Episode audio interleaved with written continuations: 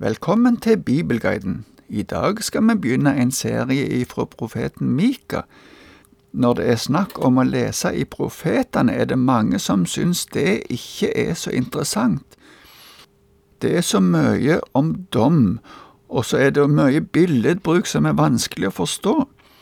Det blir ofte slik at vi stanser bare for noen få, mindre avsnitt ifra profetene, uten å lese alt i sammenheng men jeg tenker det er nyttig at vi i alle fall av og til tar oss tid til å lese disse skriftene.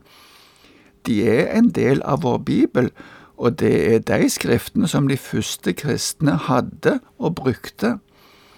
Det første verset i profeten Mika presenterer profeten. La oss lese dette verset først. Herrens ord som kom til Mika fra Moreset i de dager da Jotam, Ahas og Hiskia var konger i Juda, det han så om Samaria og Jerusalem. Mika betyr Hvem er som Herren? Det er et navn vi finner på flere i Bibelen. Den første som vi leser om, var en mann i Efraim i dommertida som laga en avgud og fikk en levitt til å stå for gudsdyrkelsen hans. Det står om det i Dommernes bok i kapittel 17. En annen var en profet på kong Akabs tid i Israel og forutsa Akab sitt nederlag og død. Verken denne boka eller andre steder i Bibelen får vi vite noe mer om Mika og hans personlige liv. Det eneste vi får vite, er hvor han kom ifra, og hvem som var konger i Juda på den tida som han virka. De tre kongene som nevnes, var konger ifra år 758 til 696 før Kristus.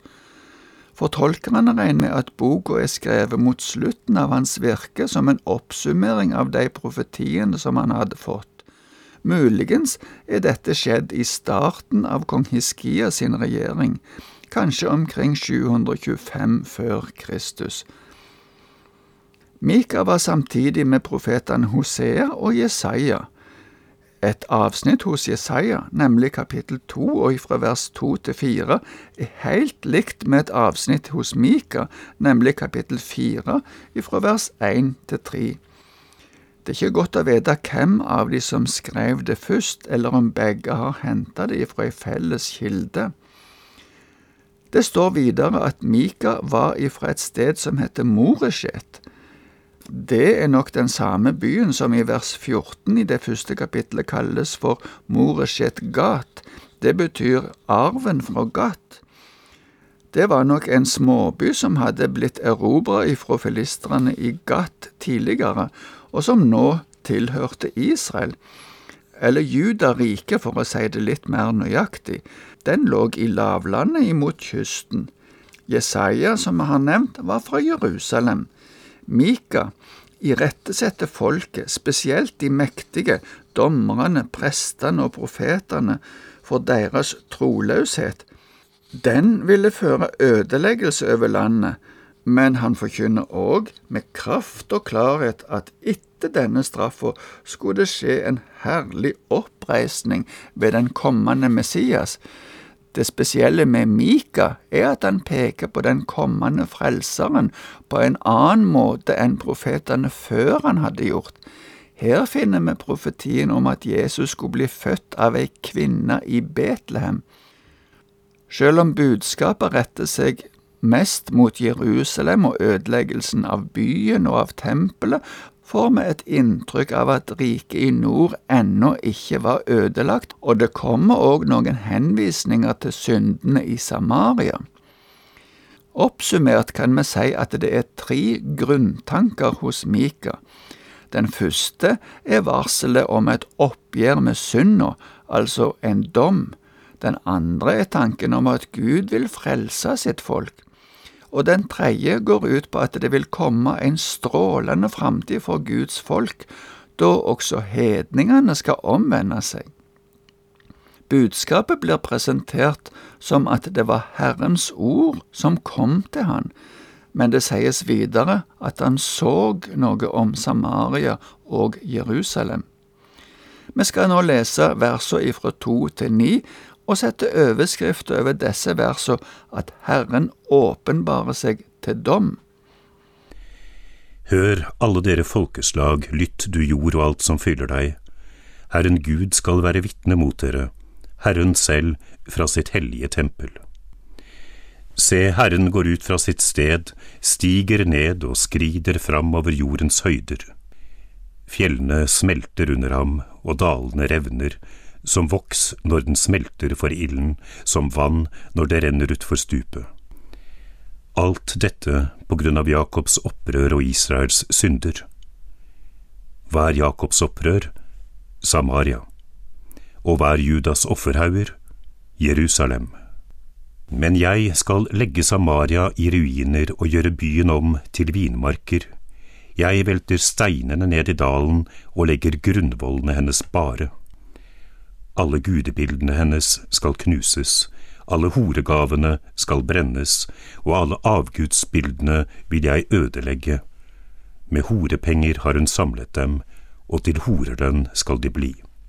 Derfor må jeg klage og jamre, gå barføtt og naken omkring, jeg holder klage som sjakalen har sorg som strutsen. For skaden hennes er uhelbredelig, nå står Juda for tur. Det har nådd til mitt folks port til Jerusalem.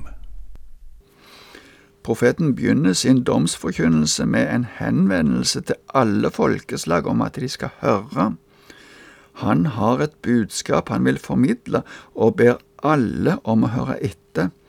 Selv om det sies alle folkeslag, er det nok først og fremst alle folk i de tolv stammene av det opprinnelige Israel han henvender seg til.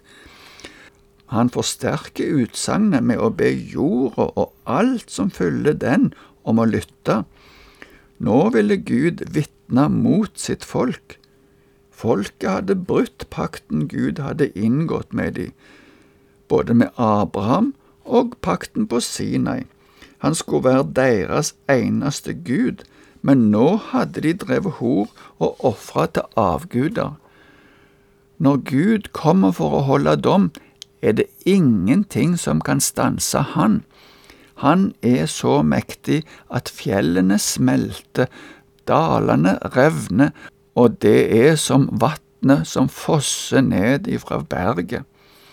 Mika bruker bilder vi ser for oss andre steder, som for eksempel i Salme 97, Amos 9 og i Nahum 1. Det skjer på grunn av Jakob sitt opprør, eller frafall som det oversettes med i norsk bibel. Dommen over opprøret forsterkes med å trekke fram de to hovedstedene Samaria og Jerusalem. Samaria hadde blitt et senter for avgudsdyrkelse. Kongen der ledet an i dyrkingen av Bal og Ashera. Men også i Jerusalem var det mange offerhauger for fremmede guder utenom det som foregikk i tempelet. Alt dette var en hån mot den levende Gud som hadde frelst de ifra Egypt og ville være deres Gud. Dommen over Samaria er dramatisk. Byen skulle bli lagt i ruiner, og steinene veltes ned i dalen. Alle avgudene skulle bli ødelagt. Rikdommene som hadde blitt samla, blir her kalt horelønn, fordi det hadde blitt samla i forbindelse med avgudsdyrkelse.